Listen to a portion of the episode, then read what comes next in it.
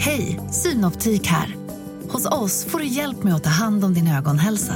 Med vår synundersökning kan vi upptäcka både synförändringar och tecken på vanliga ögonsjukdomar. Boka tid på synoptik.se.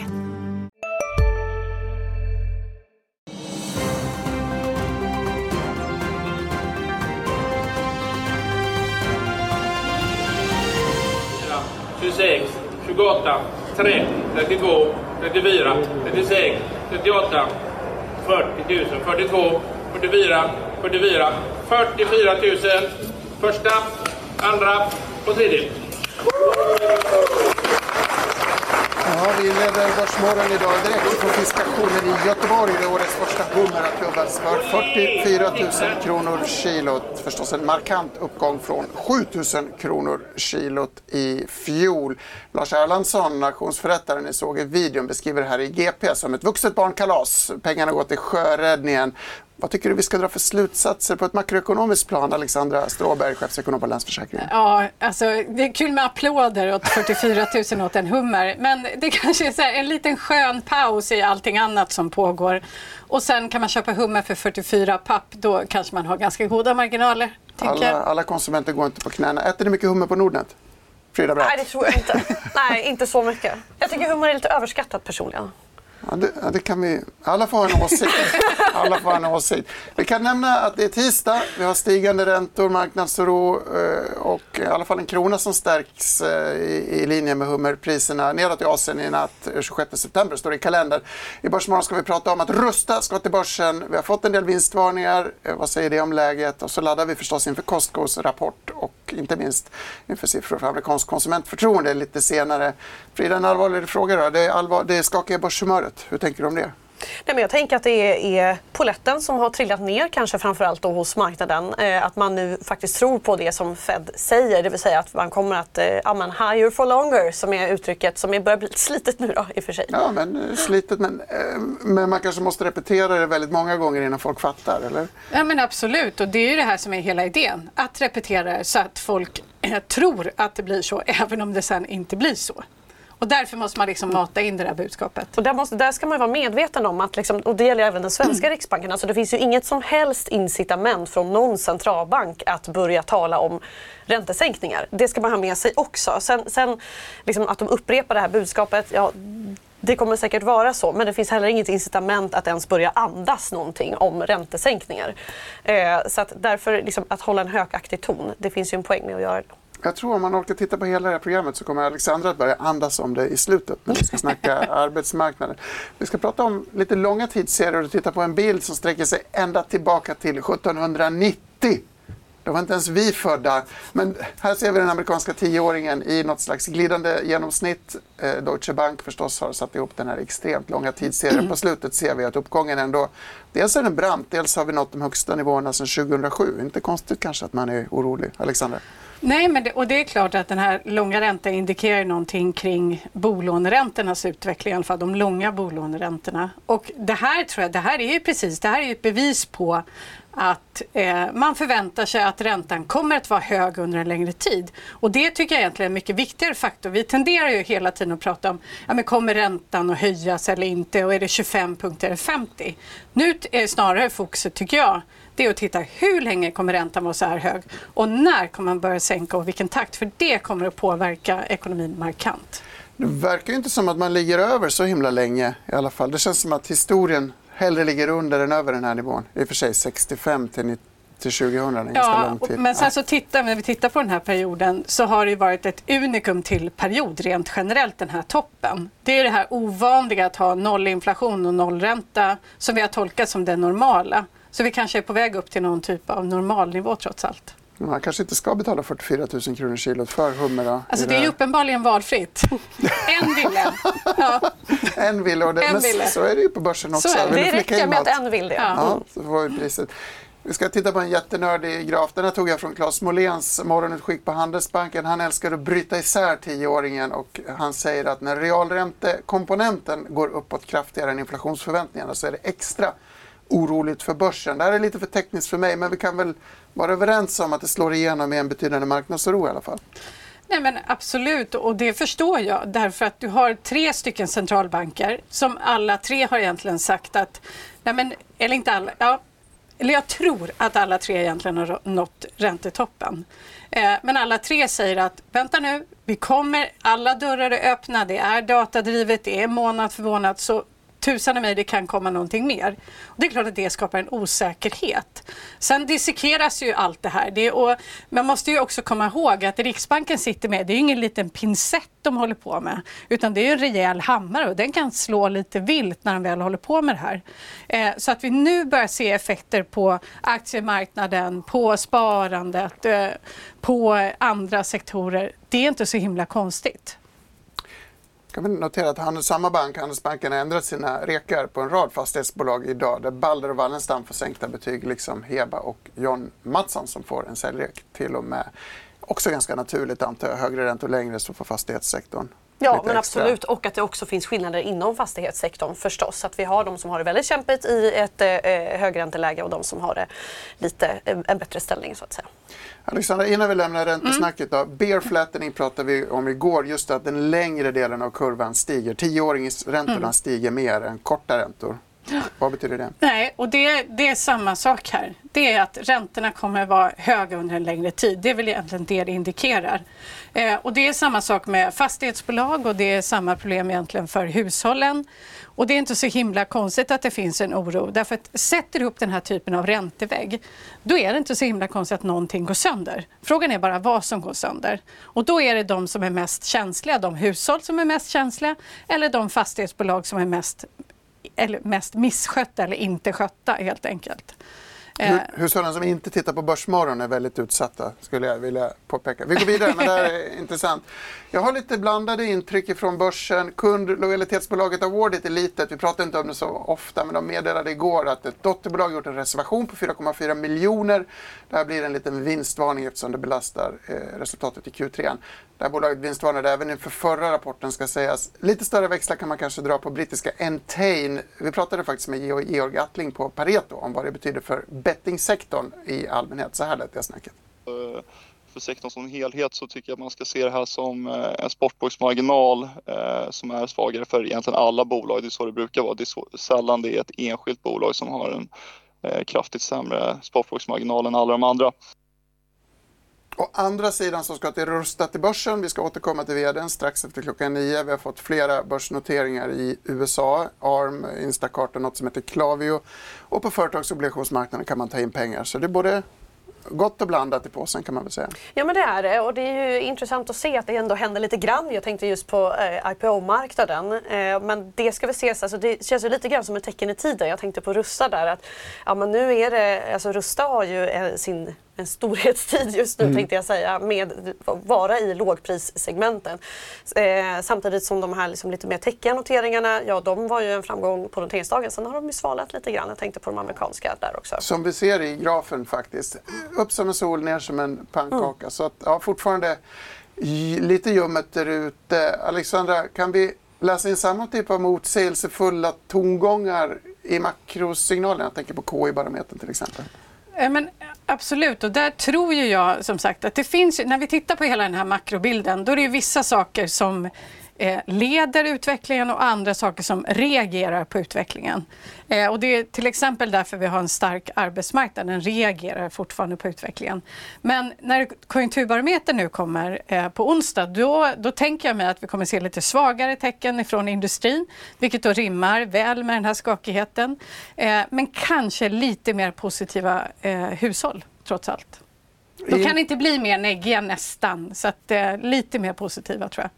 Ge dem några år på Taffelberget med de här höga räntorna så kanske... Ja, så kanske man kan trycka ner dem ytterligare. Men nu tror jag att de också ser, liksom, de ser liksom utsikterna här och att det kanske är räntetoppen det här. Eh, och vad har vi lärt oss av liksom hela pandemin och höga elpriser och allting? Vi är experter på att anpassa oss.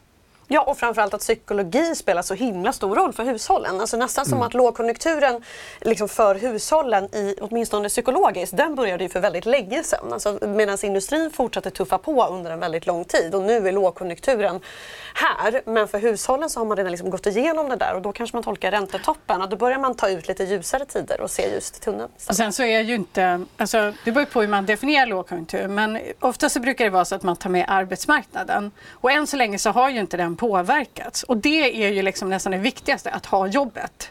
Det avgör ganska mycket. Det avgör om du kan konsumera, det avgör om du kan bo och betala räntor. Här ser vi lite arbetsmarknadskurvor. Vi kan snacka ännu mer arbetsmarknad om en liten stund. Men jag vill nämna mitt favoritämne, analytikermassage. Jag har skrivit 50-11 artiklar om Hexatronics kontakter med SEB i dagarna. Där har följts av kritik från både Aktiespararna och FI. Till och med banken själv utreder ett eventuellt regelbrott men är väl ganska sparsmakad i sina kommentarer. Frida, det här är ju en, lite av en favorit i repris. H&M eh, var det förra året som, som gjorde samma sak. Ja, vi har flera exempel. Det här är ju bara ett i raden av eh, ja, men exempel på egentligen att det finns en tydlig det finns ju en grå zon här. Det är ju ingen som tror att någon ringer runt och säger rakt ut att ja, men nu har vi nya siffror som vi gärna vill ge till er i förtid. Utan det handlar ju om att man, eh, ja, men jobbar man med IR så handlar det ju om att egentligen sätta rätt förväntningar utifrån redan publicerad information. Men saker kan ju alltid tolkas mellan raderna.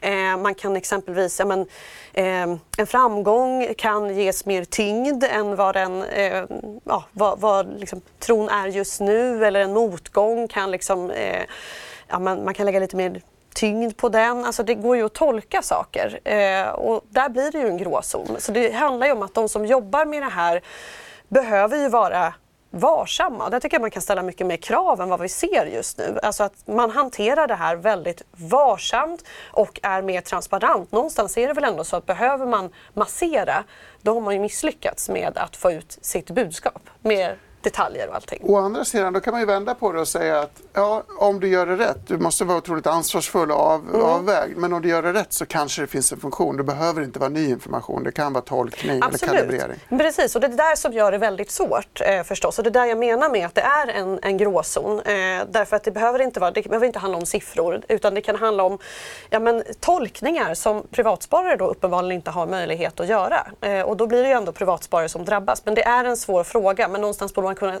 ställa mer krav än så här tycker jag. På varsamhet, transparens, tydlighet. Det här kan ju vara ett dåligt exempel på något som går att göra bättre men som kanske Mm. har en funktion. Jag tycker det är ändå en, en nyanserad eh, ståndpunkt. Och det leder oss vidare till kronriddaren Erik Thedéen, för ingen managerar väl förväntningar mer än centralbankirer. I torsdags redan in, eh, Erik Thedéen pratade, han släppte en uppsats om den svenska kronan i samband med det penningpolitiska beskedet. I fredags varnade han småsparare för att ha sina pengar i utländsk valuta och på måndagen så började han köpa kronor och vi fick en ganska kraftig reaktion, eller hur? Ja men verkligen och det är det här när man har barn, man ska inte lyssna på vad föräldrarna säger utan man, man liksom agerar efter vad de gör. Eh, och eh, jag tror att Thedéen har ju haft ett mycket, mycket större fokus på kronan än vad Ingves någonsin hade, men kanske också av förklarliga skäl därför att den har sjunkit så mycket. Sen om det här kommer att få någon enorm påverkan det kluriga här är ju att om man lyssnar på eh, ja, analytiker på valutamarknaden så pratar de dels om problemet med höga räntor för fastighetsmarknaden men man pratar också om ett kronförsvar som kräver högre räntor. Och de där två är ganska svåra att få ihop. Eh, så att eh, för att få till någon liksom reell och varaktig stärkning av kronan, då kanske det krävs bra tillväxt helt enkelt. Och där är vi ju inte riktigt än. Sen finns det saker som är lite svårare att ta på också. Och det kanske handlar om Ja, eh, den allmänna Sverigebilden överlag är ju inte särskilt positiv just nu. Och sånt kan ju också påverka på marginalen. Att man som investerare, varför ska jag liksom investera just i Sverige? Där verkar det vara väldigt osäkert just nu. Ja, men dels fastighetsmarknaden men också det som händer, den generella Sverigebilden. Frågan om man kan exkludera Hässelby på något sätt? Ja, precis. få...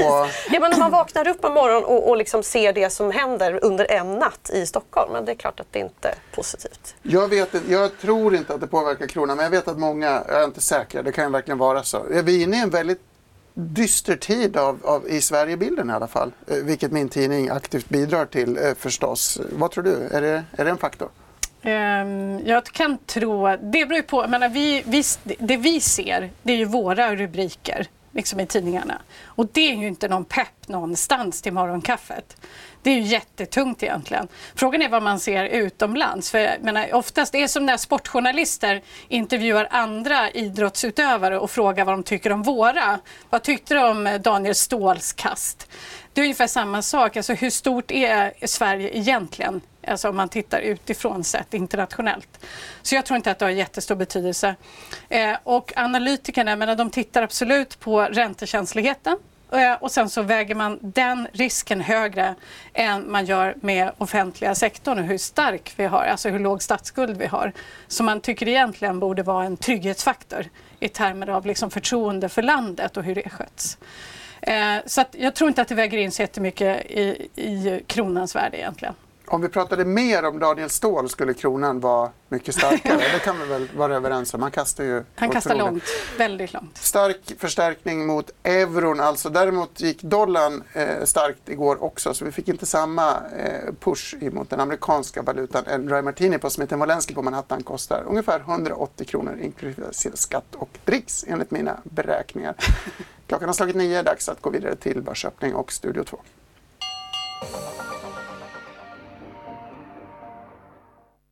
Stockholmsbörsen inleder i moll och vi ser att storbolagsindex backar ungefär en halv procent. Och om vi fortsätter att titta där så ser vi att i toppen så har vi AstraZeneca och Telia medan vi i botten har Sinch och SBB. På tal om fastighetsaktier så ser vi att vi har en hel del rörelse där så, i form av rekar som jag tänker att jag går igenom lite senare. Men vi börjar med Avardit som de vinstvarnar ju igen. Vi får se när vi får ett avslut där. Eltel däremot, de stiger 7% och de har ju tagit, tecknat ett treårigt ramavtal med Försvarets materialverk till ett uppskattat värde om 320 miljoner kronor. Backa gör däremot SAS som är ner 3% nästan och de vände ju till förlust igen efter vinsten i sommarkvartalet maj till juli som höjde aktien och var den första kvartalsvinsten sedan 2019 är nu SAS tillbaka på förlust igen. Och backar gör även Klimon som är ner tvåsiffrigt. Bolaget avser att genomföra en företrädesemission om cirka 100 miljoner kronor. Och så tänker jag att vi går vid genom rekarna. Handelsbanken har tagit ett stort grepp på fastighetssektorn och några av de ändringarna där är bland annat Balder som sänks till underperform. Och den aktien backar nästan 3% Även Wallenstam sänks till underperform och backar 2 Och båda får kortsiktigt säljstämpel. Säljstämpel får även John Mattsson som, och samma för Atrium och Atrium backar 1,5 Köpstämpel får däremot Stendörren som stiger 1% lite drygt. Och vidare på rekar, Elekta får köpstämpel av SEB och banken sätter, riktkursen på 86 kronor och vi ser att den stiger 1,5% ungefär. Och stiger gör även Biogaia som är upp 2% och de har fått köpstämpel av Carnegie som sätter riktkursen på 115 kronor. Men som sagt, Stockholmsbörsen i stort inleder i moll och backar en halv procent. En halv procent särskilt dystert för fastighetssektorn. Jag gissar att just Handelsbanken är en faktor idag, men eh, räntorna kan ju vara en mer övergripande. Ja, men rent generellt så är det så här vi agerar människor. Jag menar, vi kan gå tillbaka till bankkrisen. Eh, och då var det en bankkris för några nischbanker, eh, men alla blev jätterädda och så flydde man från allt som slutar på bank. Eh, och det är samma sak nu med fastigheter. Vi vet att de är liksom räntekänsliga. Eh, men vi vet också att vissa av de där bolagen är mer stökiga och röriga och misskötta än andra men ändå så drabbas i stora delar hela den sektorn. Köper småspararna fastighetsaktier? Nej, det gör de inte i någon hög utsträckning. Inte så att det går att se någon sån trend. Annars är ju spararna väldigt... Alltså ett, ett tydligt mönster är ju att man gärna bottenfiskar i sånt som mm. faller. Men eh, nej, jag skulle säga att fastighetsköpen är, är ganska sällsynta. Jag tycker att det börjar bubbla här i studion, mina ovetenskapliga undersökningar. Att några börjar säga att ja, men selektivt kanske några, de som klarar sig har ju en lång väg uppåt. Sen får vi se vilka det blir. Många ska mm. väl slå us, slås ut. Tråkigt med SAS som går med förlust. Men hörni, jag tänkte vi ska titta lite grann på småspararnas beteende just nu. Vi har med oss Nordnets augustisiffror, är det vad vi tittar på här. Ja, Mest precis. precis. Är det mycket Om vi börjar i vänsterspalten. Man gillar analytikermassage uppenbarligen för Hexatronic finns man bland köpt, Ja, köplistan. precis. Som sagt, nu är det augustisiffror då, men, men eh, jag tycker man kan se att det är liksom eh, fortsatt att man köper på stora rapportreaktioner exempelvis. Alltså det finns den här tendensen att man gärna vill bottenfiska men man vill fiska sånt som man gillar från början. Alltså man fiskar inte vad som helst, man blir lite mer selektiv. Nibe exempelvis är ju en gammal spararfavorit och nu passar man på när den aktien har, har verkligen haft det dystert. Alltså vi har haft ja, två svaga kvartalsrapporter, det finns osäkerhet kring marknadsutvecklingen i Nibe. Eh, men det är ju ett kvalitetsbolag som många gillar och då passar man på när den aktien gått så dåligt. Men och sen ser vi plötsligt också... är den inte jätte... Den är fortfarande dyr men Ja. inte lika... Och det är det här vi ständigt fått höra. Nibe gillar kvalitetsbolag men dyrt och nu är det ändå lite. Ja. Så att man plockar gärna upp den. Eh, men man ser också att man köper Tele2 och Telia. Så att man ser ju en tydlig tilt. Det ser vi generellt att det är ett fortsatt intresse för aktier eh, hos spararna. Men det finns en tilt lite grann, alltså bort från tillväxt mot det här liksom direktavkastning, eh, mot eh, ja, men lönsamhet, stabilitet, kvalitet, lite så här revival för P talet kan man säga lite grann. Att liksom det spelar roll numera på ett sätt som det under en period inte gjorde. Jag tänker mig att, att de här aktierna också är de obligationsliknande. Direktavkastande, ganska säkra korten. Räntor borde ju vara intressant för småspararna också i det här läget. Ja, absolut. Ett klassiskt räntekonto. Jag menar, det är många banker nu som har höjt eh, räntorna på sina sparkonton. Eh, jag tycker att det här är lite intressant för att vi pratar ju hela tiden om att hushållen har det väldigt tufft och, och vissa har det extremt tufft med väldigt, väldigt små marginaler. Men vissa har ju uppenbarligen Hej, Ulf Kristersson här. På många sätt är det en mörk tid vi lever i. Men nu tar vi ett stort steg för att göra Sverige till en tryggare och säkrare plats. Sverige är nu medlem i Nato. En för alla, alla för en. Har du också valt att bli egen? Då är det viktigt att skaffa en bra företagsförsäkring. Hos oss är alla småföretag stora och inga frågor för små. Swedeas företagsförsäkring är anpassad för mindre företag och täcker även sånt som din hemförsäkring inte täcker. Gå in på swedea.se företag och jämför själv.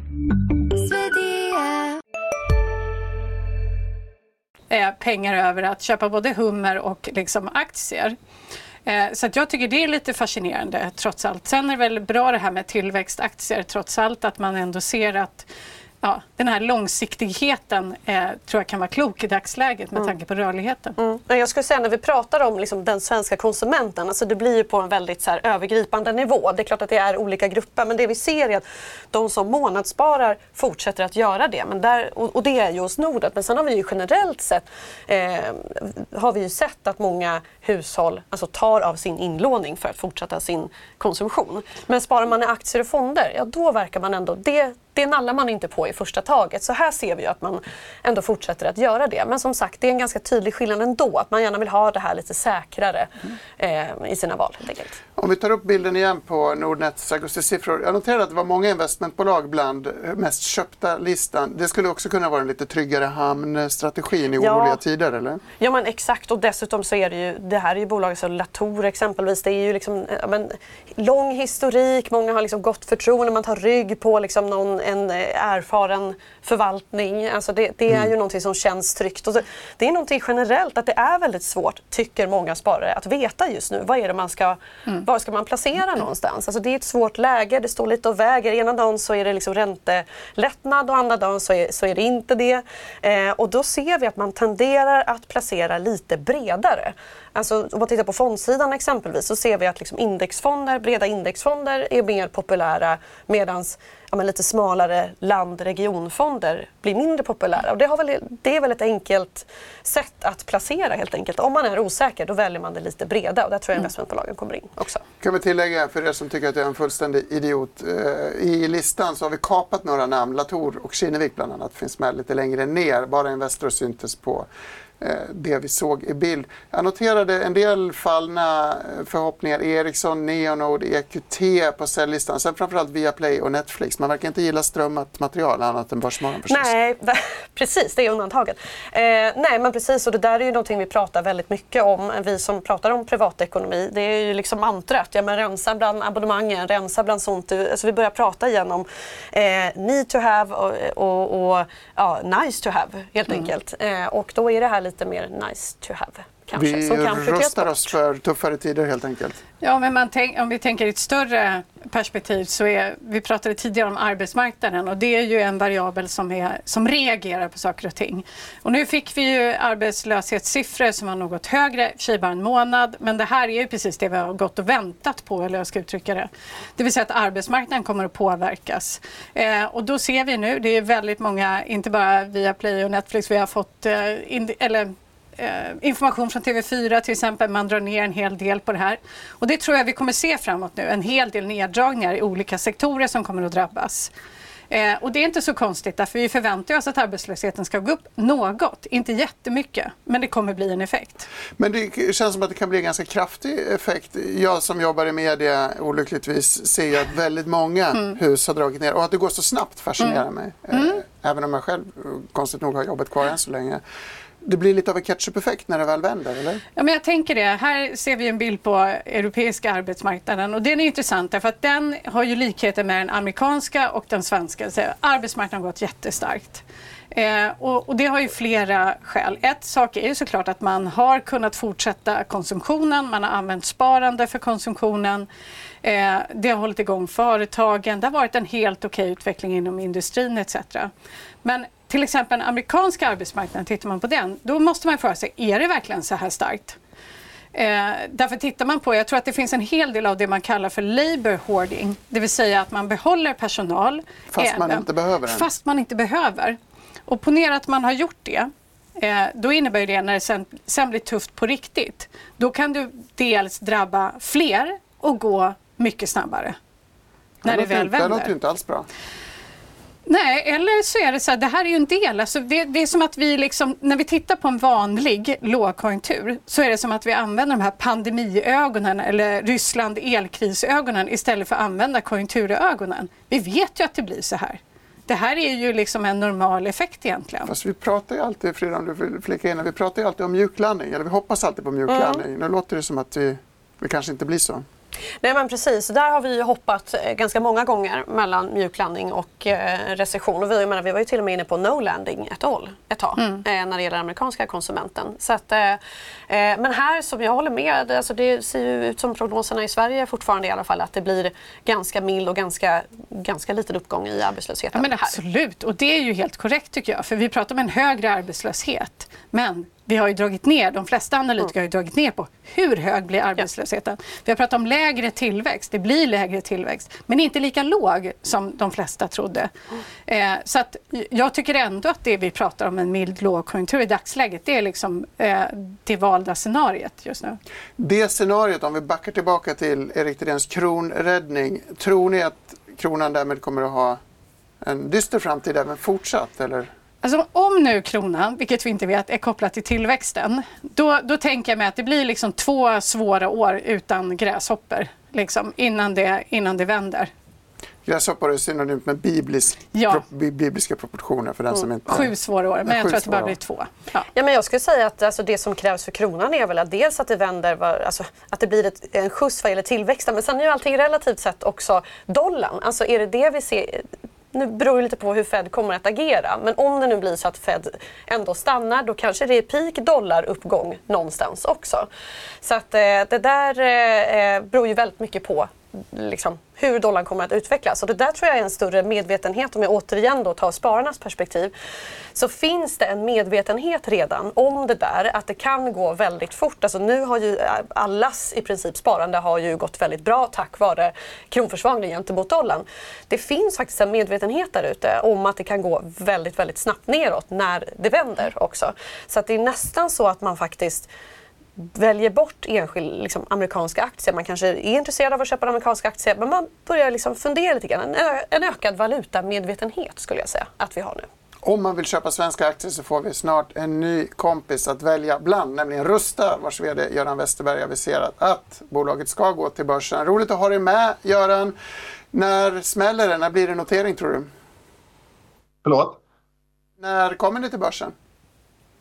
Ja, vi går, kommer att gå ut här nu med målsättningen att eh, listas eh, sista kvartalet i år. Så någonstans i spannet mellan oktober och december. Så i närtid. Kan du berätta lite hur ni har resonerat? Det är väldigt trevligt med ett stort bolag som kommer till börsen. Många har nog stått i kulisserna och inte riktigt vågat. Är ni oroliga för konjunkturen här eller vad, vad, hur, hur har det gått tillväga? Skulle nog beskriva det här som en process som har eh, växt fram under ganska lång tid. Det har ju funnits med som ett spår under, under ett antal år. Eh, sen har vi ju eh, internt då sysslat med, med en mängd olika projekt för att bygga en ordentlig skalbar plattform, gå utomlands, bygga lager, byta IT-system, allt sånt där som, som man, man, gärna, man liksom ogärna gör då i en publik miljö. Eh, och samtidigt så har vi ett pågående då generationsskifte eh, bland våra huvudägare eh, i våra grundarfamiljer. Så att man kan säga att det är, det är framförallt interna faktorer som har gjort att vi har valt den här tidpunkten. Vi känner helt enkelt att, det, att, att tiden är mogen för det här. Så det är, det är inte, ett, eh, inte ett beslut som eh, bygger på vad som händer i omvärlden just nu. Hur stort är Rusta idag och eh, vem handlar där? Precis, ja, nästan alla handlar på Rusta faktiskt och speciellt i Sverige. Vi, vi räknar med att ungefär 80 procent enligt Sifo Kantar eh, är kunder på, på Rusta idag. Och det här är en siffra som har växt väldigt mycket över åren. Och faktum är att över, över en miljon människor är inne på Rusta i snitt 27 gånger om året. Så att det här är ju egentligen, det, det har väldigt lite med sällanköp att göra, det är en väldigt högfrekvent eh, affär. Eh, och förra året så gjorde vi över 10 miljarder i omsättning. Vi har över 200 varuhus. Vi finns i Sverige, Norge, Finland och Tyskland eh, och vi växer vidare. Så att vi, vi, eh, vi ser oss själva som fortfarande ett, ett, ett, ett litet företag men, men det är klart att vi har växt en hel del de senaste åren. Du nämnde förändringar i ägarbilden, ett dödsfall bland annat. Ni tar inte in pengar det här är inte en börsnotering för att resa kapital för att göra någon storsatsning utan snarare en en ägarfamiljshantering, eller? Ja, man kan väl säga det. Dels är det generationsskiftet, dels är det att vi internt känner att vi är mogna för det. Vi, vi är i det stadiet. Eh, vi, precis som du säger så tar vi inte in några pengar. Vi, eh, vi har inga långfristiga skulder. Vi, vi har i princip bara en checkkredit och det klarar vi oss med. Vi gillar den friheten. Eh, och eh, det handlar inte om att vi ska bli någon annan eller att vi ska eh, göra någon, någon eh, så att säga, någon, någon, massiv större satsning i expansion. Utan det handlar väldigt mycket om att fortsätta att växa ungefär i den takt som vi har, har växt under de senaste åren och det har, det har ju varit, det har varit en ganska kraftig expansion ändå. Hur mår era kunder då? Kan du, och konsumenten? Vi har pratat mycket om konsumtion. Precis. Ja. Och vi vet att lågprissegmentet förstås är väldigt viktigt. Kan du, och det är väl där ja. ni finns, eller hur? Ja, precis. Så man kan väl säga att vår, vårt, vårt format i lågpris är någonting som riktar sig inte bara till så kallade prisjägare som kanske i mindre utsträckning har ett val utan vi är ju en, vi är väldigt mycket en medelklassdestination. Så att vi har ju en stor del av befolkningen i de länderna som vi finns eh, i, i vår kundbas. Och det vi, det vi ser eh, är ju att vi har en mycket, mycket mer prismedveten kund idag. Eh, man är mycket mer noga, man överväger sina köp mer noggrant, man kanske lite mindre impulsdriven. Eh, men samtidigt så är man ju också beredd att ompröva sina gamla vanor och sina, sina, sina val. Man är helt enkelt öppen för att ändra beteenden. Och det här ser vi att det har varit någonting som har, som har gynnat oss, det vill säga vi eh, kan säga värvar många fler kunder nu när många tittar mer på prislappen. Det verkar gynna oss. Jag som brukar handla på Lund och Lund, vad, vad, ska, vad ska jag köpa på Rusta? Lite, lite förenklat så kan man väl säga att om, om du går till din matbutik och sen så går du till Rusta, ja men då har du nog nästan löst alla dina vardagsbehov på två besök. Så att eh, man kan säga att Rustas väldigt breda sortiment med det mesta för vardagslivet hemma eh, ska vara en, en, så att säga, en, en enkel destination där, där du på en kvart kan uppfylla nästan alla dina vardagsbehov. Då ses vi där Göran, för jag behöver lite lysrör och eh, annat smått och gott. Göran Westerberg, VD för... Sander, du är välkommen. Mycket bra. Hörs och ses, kul att ha dig här. Vi ses eh, i samband med notering och kvartalsrapporter. Eh, Det var ju trevligt det där. Brukar ni handla på Rusta själva? Jag var där i helgen och köpte doftljus. Doftljus. Ja. Yes. Ibland. Ska vi koppla in det här? Vi har ju pratat om konsumenten och det här ligger ju helt rätt i tiden som sagt. Ja, men det, det tror jag att det gör. Eh, och det är klart att man tittar på priser etc. Och det är väl himla klokt. Eh, och det kanske vi skulle behövt gjort även innan. Så att, eh, det är inte så himla konstigt. Och det här ser vi ju att vissa segment ökar. Vi har Lidl, man eh, väljer lite mer noggrant. Eh, men så har vi då som sagt det här lyxsegmentet också som går väldigt bra eh, i lyxsegmentet. Eh, Så att eh, det är nog lite blandat, lite beroende på hur plånboken ser ut. Nu glömde jag fråga honom om de säljer hummer på Rusta. Men det kan vi anta att färskvaror är väl inget... Nej, eh, jag tror inte tror det. inte det. Nej, nej, precis. Vi, vi hämtar andan här och går till Studio 2 en kort stund och sen blir det lite mera konsumtion och ytterligare en fantastisk varuhuskedja. Men varsågod Sofie. Ja, Stockholmsbörsen fortsätter vara sur och backar nästan en hel procent. Och om vi tittar på storbolagsindex så ser vi att det är små uppåtrörelser för AstraZeneca, Telia och Tele2. Medan 27 av 30 storbolag faktiskt backar. Och i botten där så har vi Sinch som är ner 4% Men även H&M och ABB backar nu på morgonen. Och som vi ser så är det en hel del rörelser för fastighetssektorn och det är ju, Handelsbanken har ju tagit ett stort grepp och ändrat rekar. Balder och Wallenstam får underperform och båda aktierna backar 4 respektive 2 procent. Och de får kortsiktigt säljstämpel. Det får även John Mattsson och Atrium och John Mattsson har jag inget avslut på men Atrium backar 2 procent. Stendörren däremot får faktiskt köpstämpel och de stiger 2% och går emot strömmen där bland fastighetsaktierna. Och sen så pratar vi om Avardit. Där hade jag inget avslut förut. Nu ser vi att aktien backar 0,8% ungefär efter den vinstvarningen som kom. Och Eltel som levererar tjänster för kommunikations och elnätverk har ju tecknat ett treårigt ramavtal med Försvarets materialverk och den aktien stiger 4 SAS däremot, de backar 2 och det är efter att man vänder till förlust igen. Och det är efter sommarkvartalets vinst och som höjde aktien och var den första kvartalsvinsten sedan 2019. Och nu är SAS tillbaka på förlust. Backar desto mer gör Klimon som är ner tvåsiffrigt och backar 26 och det är efter nyheten att man avser att genomföra en företrädesemission om cirka 100 miljoner kronor. Och sen tänker jag att vi avrundar med lite fler rekar. Elekta får köpstämpel av SEB som sänkte riktkursen på 86 kronor. Den handlas nu för 74 kronor och aktien stiger 0,7 procent. Stiger desto mer gör Biogaia som upp 3 procent efter att de har fått köpstämpel av Carnegie som sätter riktkursen på 115 kronor. Men som sagt, Stockholmsbörsen i stort är rätt sur och backar 0,8 procent. Men jag tror jag, tror jag ska köpa kolsyrepatroner, 24,90 kronor styck. Vad tror ni om det? Perfekt. Eh, vi får se, jag planerar mitt besök till Rusta här i studion tillsammans med Frida Bratt och Alexandra Stråberg som också har mycket annan kompetens att erbjuda. Ett annat stort eh, detaljhandelsbolag som ligger mig varmt om hjärtat rapporterar senare idag på Wall Street. Eh, Costco tycker jag är kul, jag älskar att handla i Arninge. Alexandra, hur stor andel av den isländska befolkningen har medlemskort i det här? Ja, Jag var ju tvungen att kolla upp det här nu, helt enkelt. I Sverige tror jag att än så länge är det mer poppis kanske att handla på GKs. Jag tror Arninge är ingen turistattraktion än så länge. Det Eh, finns Jumpyard bredvid om man vill ta med ungarna. Ja, en- ja, smart. Ja. Men eh, jag, alltså, jag tittade faktiskt på var Costco finns liksom, utanför USA för de har ju ganska mycket eh, medlemmar helt enkelt. Och tittar man på Island, om den här siffran stämmer, då, så var det ungefär 70 procent av befolkningen som har ett medlemskap. Det är Och det, det, fascinerande. det är fascinerande. Sen är det bara, bara 200 000 personer. Men, men trots allt, det är 70 procent då. 70 procent. Ja, det är en bit kvar i Sverige gissar jag. Vi får inte bara Costcos rapport, vi får också amerikanska konsumentsiffror, Consumer Mm. Confidence. Vi får ju två ändå betydelsefulla indikationer över den amerikanska konsumenten. Ja, och det här blir ju jättespännande därför att det vi har sett nu att den amerikanska konsumenten gick ju in i den här inflationskrisen med en välfylld plånbok.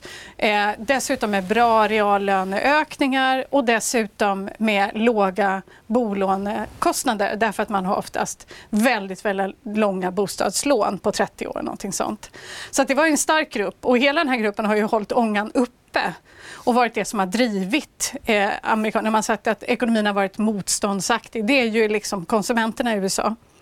Nu ser vi däremot att sparandet har ju gått ner kraftigt. Så att nu kanske de har slut på pengar. Eh, men det kanske räcker också därför att nu, nu är ju liksom Fed eh, sannolikt har toppat där och det är på väg. Så att, eh, det kanske räckte. Och det fina i din dystra arbetsmarknadskråksång är ju att en uppmjukning där innebär sänkta räntor i alla fall. Ja, och det är ju jättebra. Alltså, det, USA är ju det vi har tittat på. Vi har kollat över Atlanten hela tiden. Där USA är nu, där hoppas vi att vi är kanske om ett halvår. Eh, det vill säga se de här goda signalerna. Eh, så att, eh, jag är mer hoppfull när det gäller USA, mindre när det gäller Europa och så Sverige någonstans där, mittemellan.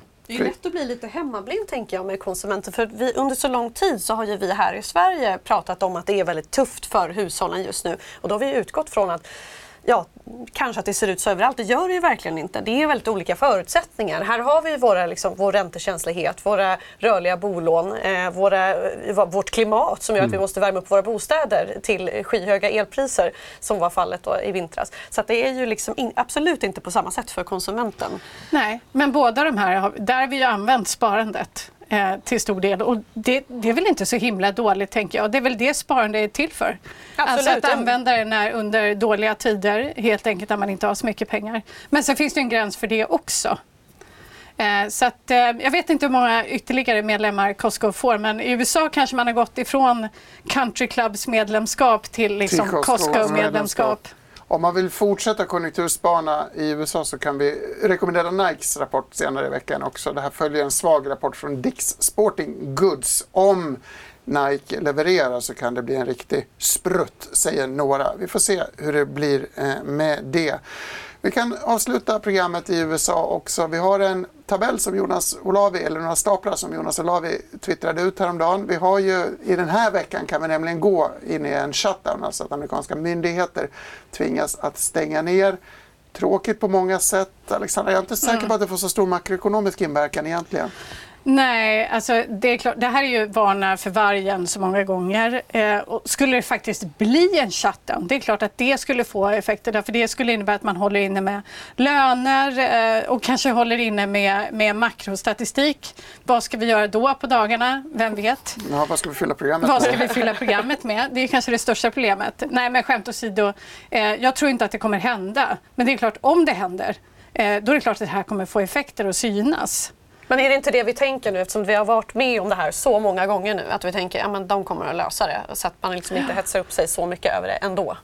Nej, och det verkar ju vara en ganska bra strategi. Strunta i de här, all geopolitisk oro där ute och Tänk på räntor istället ja. för det är det som ändå har varit Och ekonomin hittar alltid vägar. Och hummer är gott och, och man kan handla billigt på Rusta. Det är väl några slutsatser. Ja. Um, nu tror jag vi tar paus och börjar planera inköp och shopping. Uh, stort tack till Frida Bratz med oss från Nordnet förstås och Alexandra Stråberg på Länsförsäkringar. Häng med oss igen i Börskoll klockan 14 och förstås Börsmorgon igen samma tid, samma kanal imorgon. Ha en bra tisdag.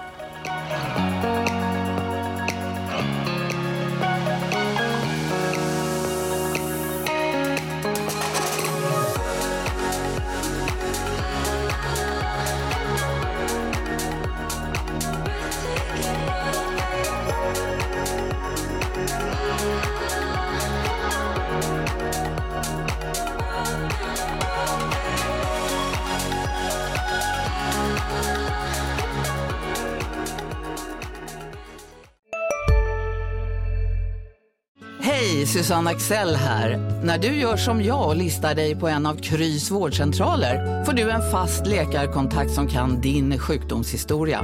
Du får träffa erfarna specialister, tillgång till lättakuten och så kan du chatta med vårdpersonalen. Så gör ditt viktigaste val idag, lista dig hos Kry. En nyhet. Nu kan du teckna livförsäkring hos Trygg-Hansa. Den ger dina nära ersättning som kan användas på det sätt som hjälper bäst. En försäkring för dig och till de som älskar dig. Läs mer och teckna på trygghansa.se. Trygg Hansa. Trygghet för livet.